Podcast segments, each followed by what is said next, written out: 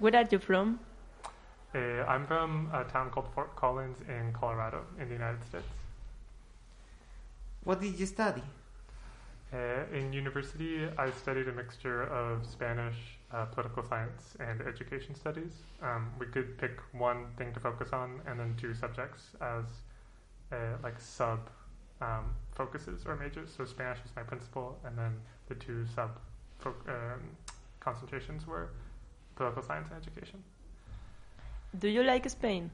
Yeah, I love Spain. Um, I had visited Spain before, but I had never been to Galicia, and I really like Galicia.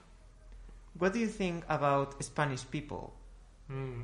Um, I I love the people that I've met here. Um, I made some friends with some people here from Vigo, and they've been really really fun. Um, I, I've noticed that there's a lot of parties and like festivals and holidays. It seems like everyone is just really wants to have a good time and have fun. So I, I quite appreciate that. Do you like teaching? Yeah, yeah, I do.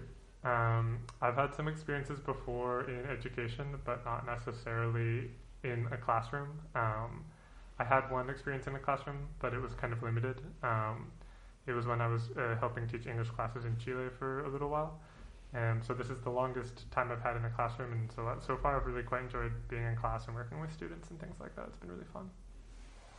And what do you prefer? Stay here or return to the country? Mm, good question.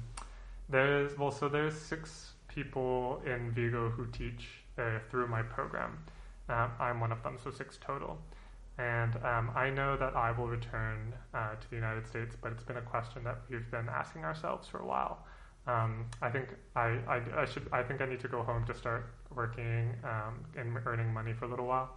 Um, but I only hope to be back in the U.S. for a year or two, and then I, w- I would love to go back abroad again. Um, but I know that the other people in my group, uh, most of them are going to stay, and and it's really I, I would love to stay. It's really tempting, but I think it's better that I go home for a bit. Perfect.